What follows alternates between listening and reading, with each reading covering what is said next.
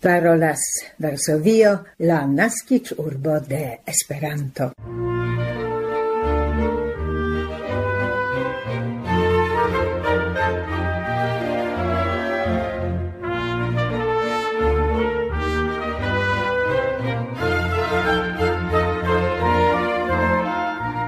coran saluton, carai auscultantoi, en la 1237 Esperanto el sendo de la Pola Retradio, audigianta la dec quinan de aprilo 2023. Hodiau apartan saluton cae inviton por la el sendo directas al vi, Barbara Pietrzak, Milada Švedo, Kristina Grochocka, la jus parolinta Maciej Jaskot, cae voce contribuanta Rizzo Giacometto. Tradizie, en la comenzo ni proponas cultur cronicain informoin.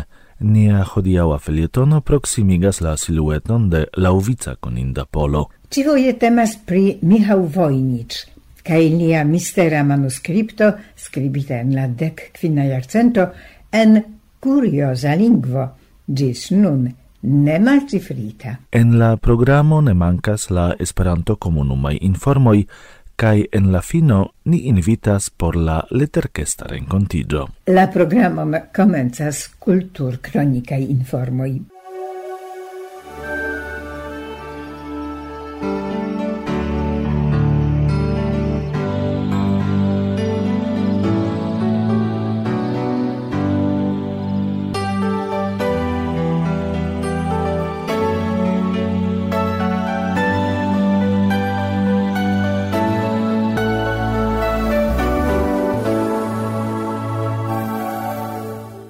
tradukistino Justyna Czechowska farigis laureatino de la tradukista premio atribuata de la Sveda Akademio.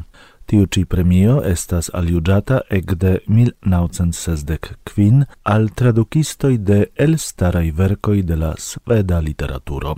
Czechowska estas traduk autoro de pli ol kvardek titoloj. Ŝi interalie tradukis la libron de Matilda Foss Gustafsson, kiu kritikas la Svedan Akademion, klubo sex skandalo en Nobel Atribua Komitato. Czechowska tradukas ne sole el la sveda, Ancau el la norvega kaj kiel informas sia biografia noto en la areteo de la Societo de Literaturaj Tradukistoj, si estas literaturologo, kulturanimanto, autoro de articoloi, antologioi cae interviuoi.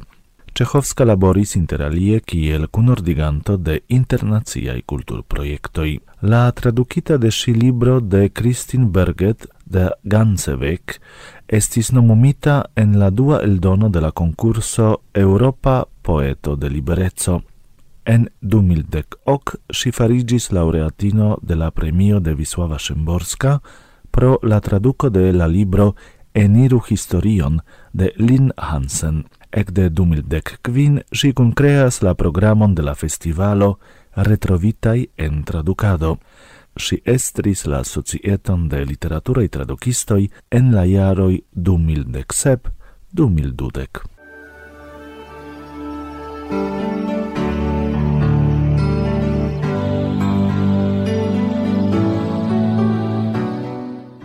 en Londono en marto comencigis la dudecunua eldono de la festivalo de la polai bel artai filmoi Kinoteco. La evento, organizita de la Pola Kulturinstituto en Londono subtene de la Pola Instituto de la Film Arto, dauros gis la 27 de aprilo. La filmoi estas dividitaj je tem seccioi. En la sekcio Nova Pola Kino Arto oni presentas ses filmoin el 2022, neniam gis nun presentitain el Britio. En la retrospekta seccio estis planitai ec dek kvar filmoi de Jerzy Skolimowski, pretigitai cune cun la Brita Film Instituto. En la uniara film festivalo trovigas crome la seccioi Film classico, Muziko en la filmo, Arto cae Filmo. La unuan foion oni proponas la film tradigardon X-Rospace, kiu rilatas alla sfero de pliigita realo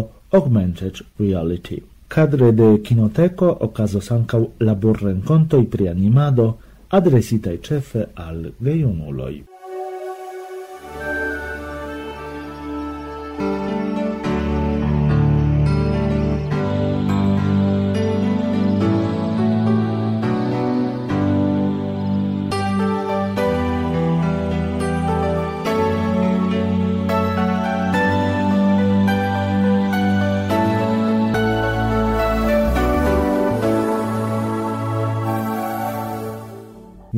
pregas la programon de la Polare Tradio.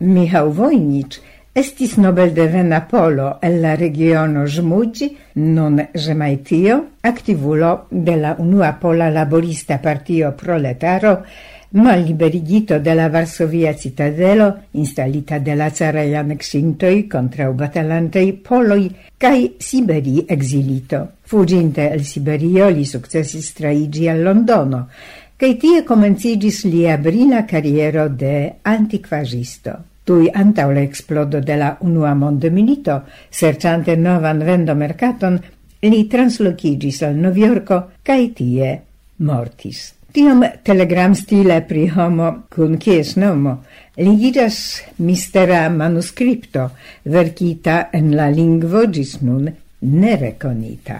Iom malpli lacone et sene tro longe. Nihau Vojnic, blazone Habdank, nascidis la 31 de octobro 1865 en Telsze, en la familio de stata consilisto. La gimnazian lernadon li trapasis en Suvauki, kai diplomon de farmaciisto li akiris en la Moskva Universitato.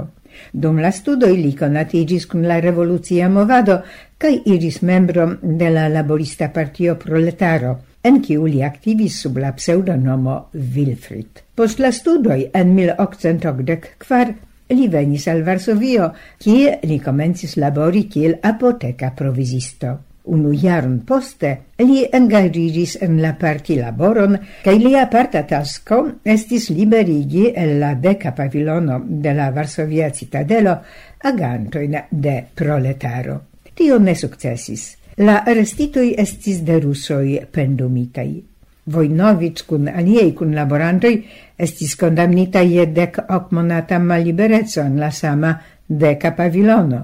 Post tiu periodo Li estis exilita al Siberio, kie en la loco Tunka li conatigis kaj amikigis kun Józef Piłsudski, zorgante poste pri sekretaj dokumentoj de la Pola Socialista Partio. Vojnic sukcesis fugi el Siberio en junio 1890 kaj vendinte en Hamburgo sian havaĵon en la formo de okulvitroj kaj veŝto – li acetis tria klasan bileton por eta varŝipo transportanta al Britio fructoin cae legomoin. En octobro li sen mone atingis Londonon. Provisita per contacto adreso ricevita in Irkutsko, Post kelkaj aventuroi li atingis la logeion de Siergiej Kravczynski, pseudonome Stepniak. Tie li rincontis blondulinon, kiun surprize por ili ambau, li iam vidis en Varsovio tra la maliberea fenestreto dum siei promenoi lau la vistulbordo de citadelo. Temis pri Ethel Lillian Bowl, la filino de conata brita matematicisto George Bowl, al kiu li ezigis en 1893.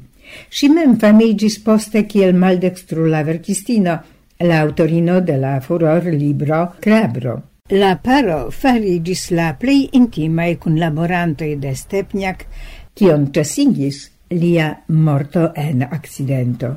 Tio finis ancau ilian revolucian engagigion. Michał, klopodante trovi novan vivcelon kaj laboron, ricevis la sufloron de Richard Garnetta, curatoro en la Brita Muzeo, cae farigis antiquagisto en la establita antiquaĵejo ce Soho Square, li estis eldonanta luksajn catalogoin, cae unuavice ofertis al siei clientoi centoin da nepritaxeble valore incunabloi cae rarei manuscriptoi. Necesis por tio multaj rimedoj. Oni supposas che temis pri la mon lavado en la periodo de lia revolucia laboro. En 1904 Michał Wojnicz acquiris britan civitanecon, alprenante la nomon Wilfrid Michael Voynich.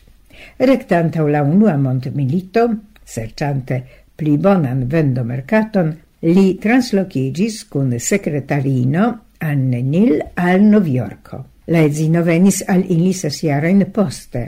Vojnic en 1904 malfermis en Novjorko sian duan antikvaĵejon kaj en 1907 transportis tien sian londonan vendeion, instalante gin ce Piccadilly strato. Li mortis pro stomac cancero la decnavan de marto 1930. La edzino transvivis lin je tridec jaroi, cae sian tutan havajon si lasis al Annil, cun ciu si vivis la tutan tempon en la sama domo. Inter la heredajo trovigis ancau la mistera manuscripto aĉetita de Vojnic de jesuitoi en Italio en 1912. Vojnic mem presentis gin la unuan foion publice en Art Institute of Chicago en 1915, kion accompagnis la etoso de mistero cae publica excitigio. Sendube Voynich capablis vendi libroin, sed unuavice maestra maniere li capablis provisi ilin per legendoi, kiui altigadis ilian valoron. Tiel estis ancau cun la manuscripto, kiu tui post la presento famigis kiel voinic manuscripto, la plei mistera libro de la mondo. Misterei estas ancau circonstanzoi en kiui gi creigis cae giei sortoi. Nestas loco por occupigi pri tio iom pli detale. Sed ja necessas diri calcain vortoin pri la manuscripto mem. Gi consistas el ducent quardec pergamenei pagioi, sed dudec folioi, je la dimensio de dec quin je dudec du cae duona centimetroi. Giei plure illustrajoi rilatas interalie al astronomio, biologio, herboi cae plantoi. Sed la plei granda curiosajo estas gia plene necomprenebla texto, consistanta el tridec quin mil signoi vortunuoi. Malgrau multei provoi neniu gis nun successis gin malcifri, reconi, identigi. Tiel scribis la giornalo Rzeczpospolita en 1912, signoro Wojenic, acetinte la manuscripton, presentis gin ale spertei criptologoi, britei cae francei, sed neniu el ili capablis malcovri gian misteran lingvajon. Tio ne successis cetere tra plie iardecoi. Unu sole confirmita informo estas, che lau la modernaj dadver konformigaj teknikoj gi creigis inter la jaroj 1404-1430. Neniu el la ĝisnunaj hipotezoj prigia creigio cae mal cifro confirmigis. Ni notu tamen, che la brita linguisto Gerald Cese constatis che lia opinie la libro nestas cifrita, sed scribita en mortinta proto-romancia lingvo. Polo, doctoro Marek Grajek, matematicisto, specialisto pri criptologia, asertas, che la texto estas scribita per conatei de neniu signoi, cae plei versaine en neconata lingvo. Lia opinie plei versaine temas pri artefarita lingvo, bone conceptita, lau constru principoi malsamai, ol en naturei lingvoi. La lasta informo el 2010 rilatas al professoro Greg Kondrak, cae lia doctorigianto Bradley Howard, el Edmont Universitato en Kanado.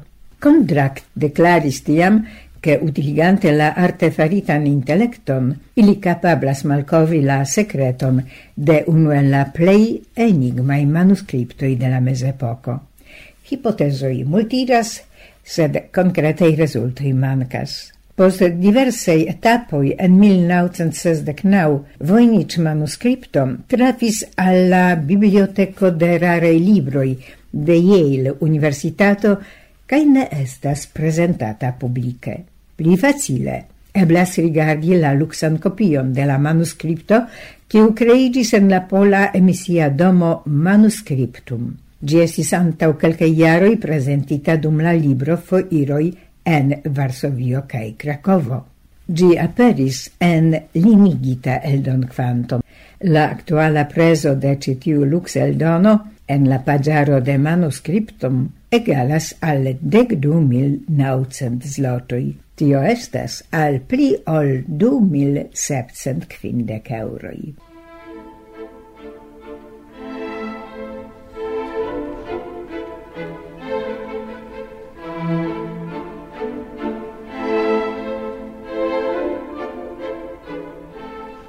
Parolas Esperanto Radio, Varsovio.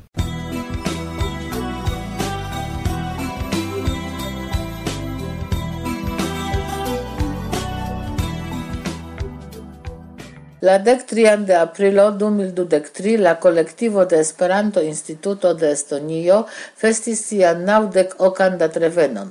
Tiu okaze giai estraranoi per telefone interchangis gratuloin kaj salutoin. Kiel informis docento Vjaceslav Hromov, la rektoro de la instituto, okaze de la jubileo, la Sarema Radio Kadi transcendis la salutoin al la Esperanto Instituto de Estonio, akompaninte ilin per la Esperanto kanto de Emanuele Rovere Esperantisto. Tio elvokis reagoin de kelkaj el la aŭskultantoj. Krome venis gratul-salutoj el Finlando, el Tampere kaj Ivinka.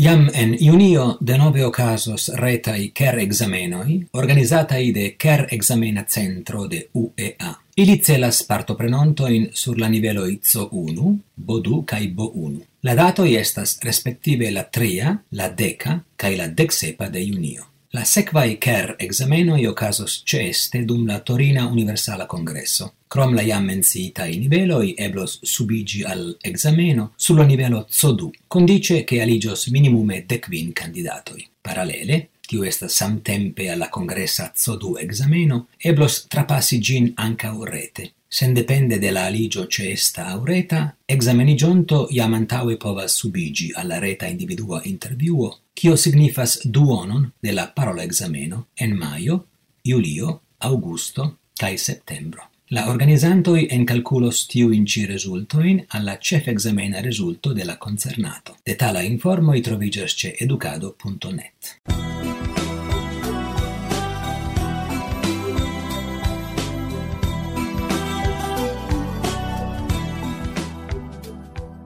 Kiel informis en Facebooko Cielismo, la prezidanto de IKFO, Internacia Komerca kaj Ekonomia Faggrupo, la Ĉina Edukministerio akceptas Esperanton por kvarjara bakalaŭra edukado. Tio signifas ke post la kvarjara Esperanto-studado la studentoj rajtos peti ŝtatoficistan kandidatiĝon same kiel aliaj diplomitoj el la Ĉina Universitato. Jam antaŭ kelkaj jaroj oni edukis dek unu diplomitojn en Ĉina Komunika Universitato.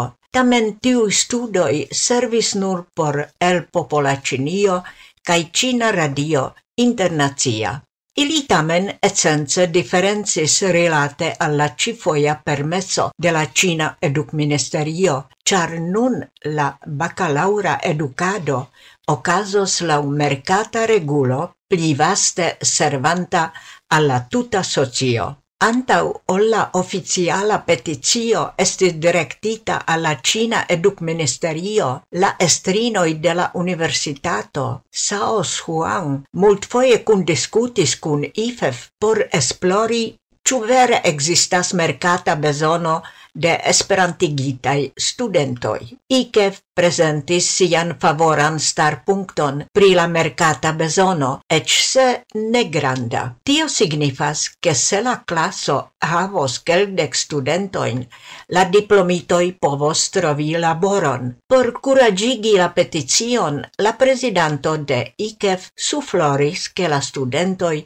stagiu en esperantistai companioi en diversai landoi. Finfine la presidanto de IKEF ancau subscribis attestoraporton kiel fac autoritatulo. Tiel ICO e FO contribuas al starigo de Esperanto bacalaura educado en Cinio. Tio estas nur komenco kaj ĉi tiu edukado ankoraŭ dependos de aplika aktivado de IKFO kaj aliaj fakaj Esperanto-organoj, ĉar la universitato ne volas subteni ĉi-specan edukadon nur por kelkaj dungotoj ĉe epoĉo kaj ĉO-IRO. Ĉinio estas aktuale merkatisma lando, pli ol kapitalisma lando. Ciu existo dependas de la mercata besono, ancau Esperanto. Pro tio lau presidanto de ICEF, cielismo necessas rapide construi applican sistemon de Esperanto cadre de IKEF, cun labore con giai filioi.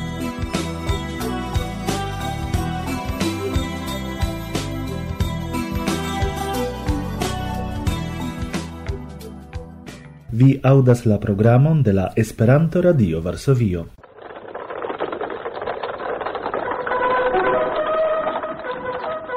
Denove estas granda plezuro renkontiĝi kun vi, karaj aŭskultantoj, en nia leterkesta programero. De nove, dankante pro reagoi Facebook profilai, messagioi et telefon al vocoi. Granda surprizo estis do la telefonai pascei bondesiroi de Vyacheslav Hromov el Estonio kun croma informoi pri la jubilao de GIA Esperanto Instituto.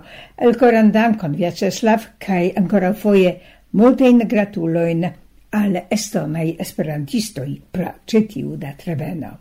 Reciproce elcoran dankon al ciui pro pascai bondesiroi, pro festai bondesiroi, pro reagoi la da treveno de la Esperanto redakcio en Pola Radio, kiu ni ja prave opinias nia redakcia festo en la contexto de citiu jubileo cae pasco, dankon al Lajos Niederfringer el Hungario, eh, kiu eh, desiris al ni felician renaskigion cae reunigion. Bela desiro.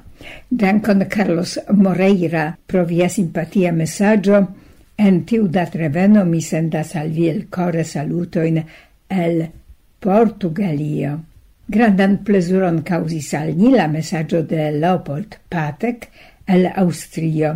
Ocase de la datreveno mi memoras viain mallonga ondain al sendoin con ciutagai veter prognosoi el Pollando. Felician pascon cae bondesiroin por viei el sendoi. Cara Leopoldo, ja, uno el la plei malnovai cae fidelei auscultantoi, Tutkoran dankon pro via messaggio, pro via memoro. Lige kun la jubilao rilata archivajo reagis ancau David Milanovic cae ni legas tiu muziko, i parolantoi, cae tiu etoso malnovaj radiaj programui, vere estas io speciala, io charmega. Mi ne povas ekspliki, mi nur povas giui. Bonvolu ne miskompreni min.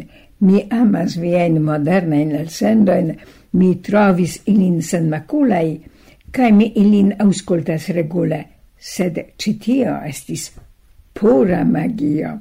Dankon pro alia belega elsendo. Felician pascon cae saluton el Serbio. Tut coran dankon Bea Vit pro via messaggio che la confirmo che ni faris bonan electon el nia archiveio.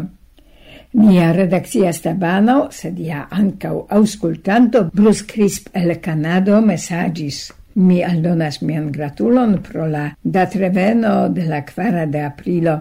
Via programero pri la central sendo el la sesdec ja estis treege auscultinda. Mi captu la ocason por diri che via rubrico contra la forgeso estas tre valora. Ni certe shuldas multon ancau al esperantistoi, qui ne plu estas interni. Estas triste ausculti la vocen de la forpasintei personoi, sed ec ne plu vivante esperantistoi tamen daure contribuas al nea lingvo medio. Do dankon pro via lastatempa archiva interparolo cun Halina Komar. Felician Pascon. Cara Bruce, dankon pro via messaggio, sed permesu citi al mia persona messaggio al vi liga con nia comuna jubilao, la quara de aprilo, la lauvica memor tago priniei radicoi, radicoi de la pola retradio, kiu sen via subteno sen via senavara helpo, assistado, forto strecio, cae finanza sponsorado, ne existus. Tutcore mi dankas al vi, Bruce, ne nur en mia propra nomo, sed en la nomo de nia tuta redakcia teamo. Sendube, mi povas aldoni, ca tiuin vortoin mi directas al vi en la nomo de niei ciui auscultantui.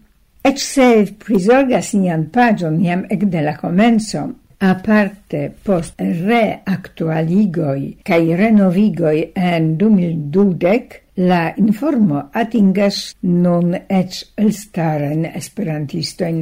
Renato Corset fine de marto scribis Gis nun mi ne vidis citiun belegan pagion, gratuloin cae Renato extinte pri la parallela ausculteblei cae legeblei textoi informis che li utiligos citiun nian servon. Mi tre gioias.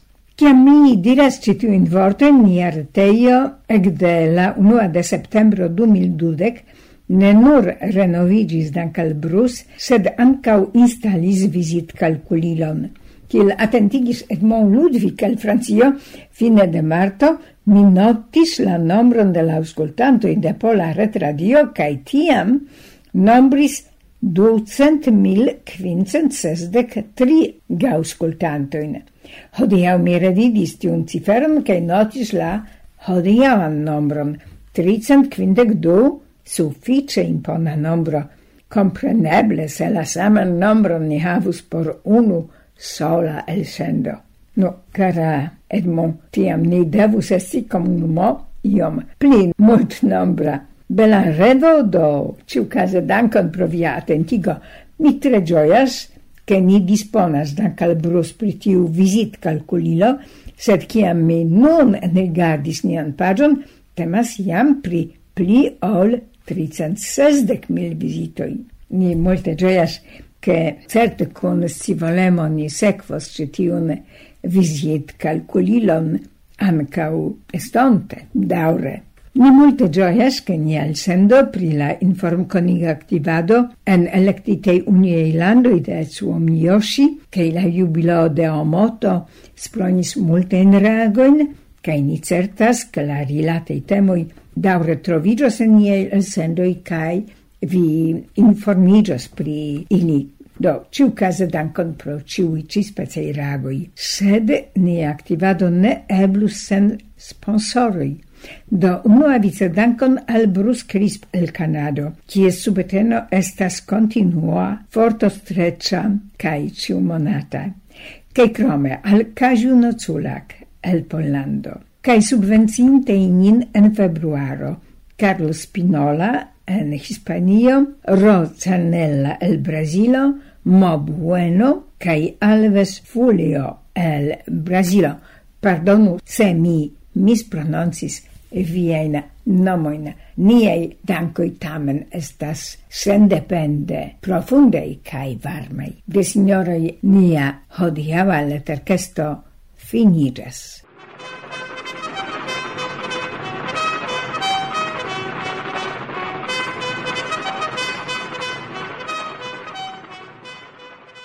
finigas nia 1237 Esperanto-lesendo el Varsovio. Ni esperas ke vi pasigis kun nia grablan informriĉan tempon, se tiel estas, konfirmu tion eĉ mallonge. Aparte ĝojigos nin viaj komentoj kaj opinioj kaj donaca subteno de nia laboro ĉe nia UEA konto vars-to. Ĝis nia sekva elsendo. Ĝis baldaŭ!